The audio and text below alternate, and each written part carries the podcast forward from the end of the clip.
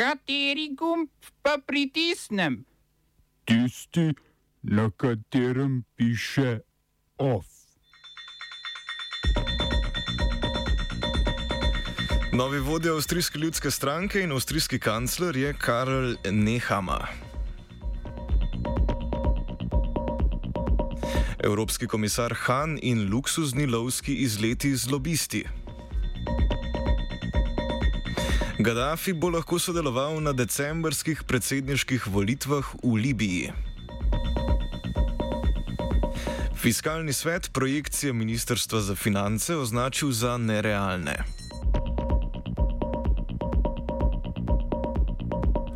Krov in kulturne novice bosta. Dobr dan. Trenutno vladajoča avstrijska ljudska stranka, krajše EVP, je za svojega novega voditelja izbrala dosedanjega notranjega ministra Karla Nehamerja. Nehamer, ki bo z imenovanjem naslednji teden postal tudi 20. povojni avstrijski kancler, bo nasledil Aleksandra Schallenberga, ki je začasno vodil vlado po odstopu Sebastiana Kurca. Ta je odstopil zaradi korupcijskega škandala, v katerem ga obtožujejo podkupovanja, poneverb in krivega priča pričanja. Po njegovem odhodu se je v zadnjem mesecu zvrstila še vrsta odstopov drugih vplivnih članov EVP, kot sta Kurcev prvi naslednik Aleksandr Schallenberg in finančni minister Gernot Blümel. Nehammer, ki je že predstavil nekatera nova imena v vladi, velja za strogega konzervativca in ostrega nasprotnika migracije.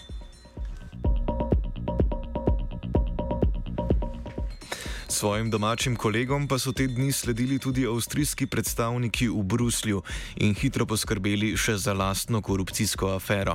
Avstrijski komisar Johannes Hahn naj bi se namreč večkrat skrivaj srečal z različnimi lobisti, ki so ga vabili na ekstravagantne lovske izlete, večerje in zabave. To samo po sebi sicer ni prepovedano, vendar morajo vsi visoki evropski uradniki take stike prijaviti organu Evropske komisije, ki skrbi za preprečevanje preprečevanje koruptivnih vplivov na njeno delovanje. Han se brani, da so na lov kot redno lastnico lovskega dovoljenja povabili njegovo ženo, ne njega, zato takšnega druženja ni bil dolžan prijaviti.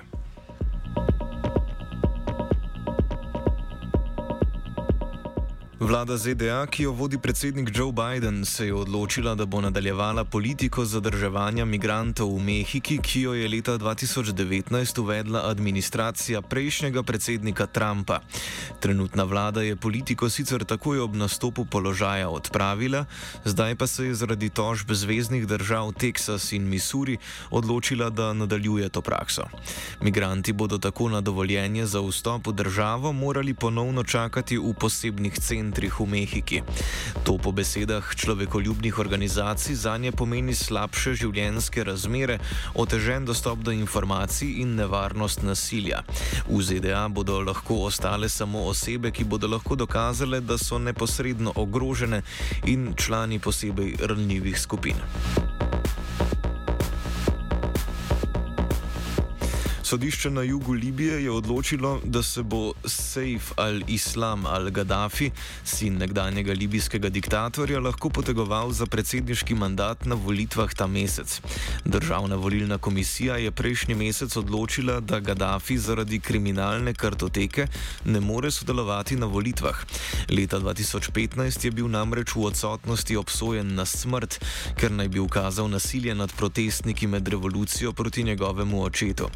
Kljub očetovi dediščini ima družina Gaddafi v Libiji še vedno veliko podpornikov, a Gaddafi na volitvah, na katerih bo med drugim nastopil tudi uporniški general Khalifa Haftar, najverjetneje nima resnih možnosti.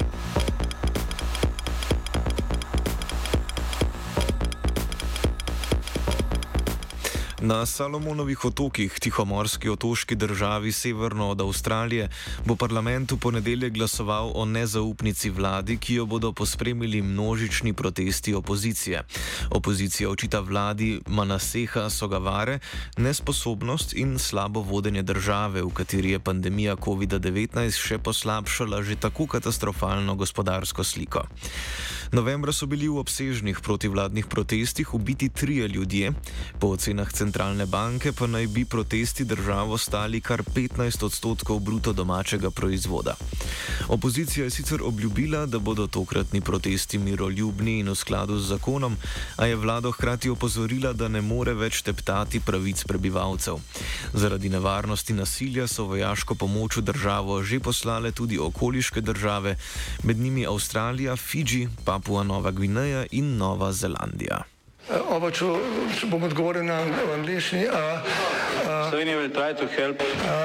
We can Slovenija will and we will do our utmost To say that the situation is our problem ourselves. and uh, We will make further steps as soon as the conditions are. bomo vlado Marjana Cererja, Mira- Marjana Cererja Šarca podprli. uh, very, very serious. we know how and we will.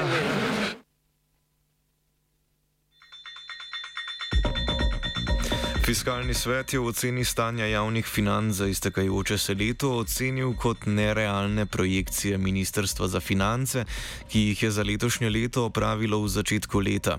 Predvsem je bilo ministrstvo preveč optimistično glede pobranih davščin. Kot so zapisali v svetu, projekcije v sprejetih dokumentih tako znova ne temelijo na ustreznih osnovah, s tem pa se povečujejo tveganja za strukturno slabšanje javnih financ. Novembra je primankljaj državnega proračuna po začasnih podatkih znašal 303 milijone evrov, v prvih 11 mesecih letošnjega leta pa skupaj 2,6 milijarde evrov. Največje napake v projekcijah so v predvidenih prihodkih, saj bi morali prihodki decembra, če bi želeli uresničiti letne projekcije ministrstva, znašati kar 970 milijonov evrov. To pomeni vsaj štirikrat več kot istega meseca lani.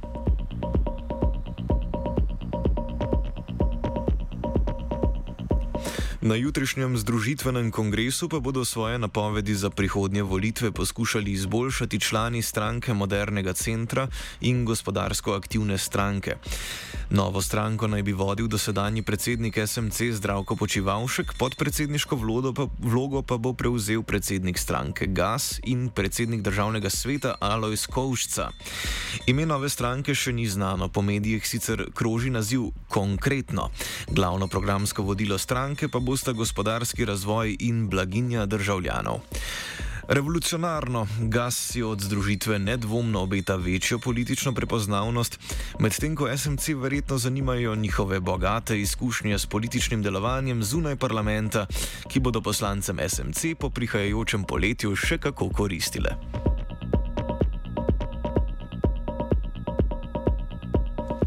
Komisija za preprečevanje korupcije je ugotovila, da poslanec mađarske manjšinske skupnosti Ferenc Horvat in župar, župan Gornje Radgone Stanislav Rojko še vedno kršita načelo nezdružljivosti njune funkcije z opravljanjem funkcije v gospodarskem subjektu.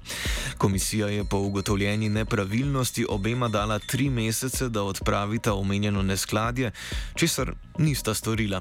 Oba tako kršita zakon o integriteti in preprečevanju korupcije, ki določa, da poklicni funkcionar ne sme biti član gospodarske družbe oziroma opravljati dejavnosti upravljanja, nadzora ali zastopanja v gospodarskih družbah.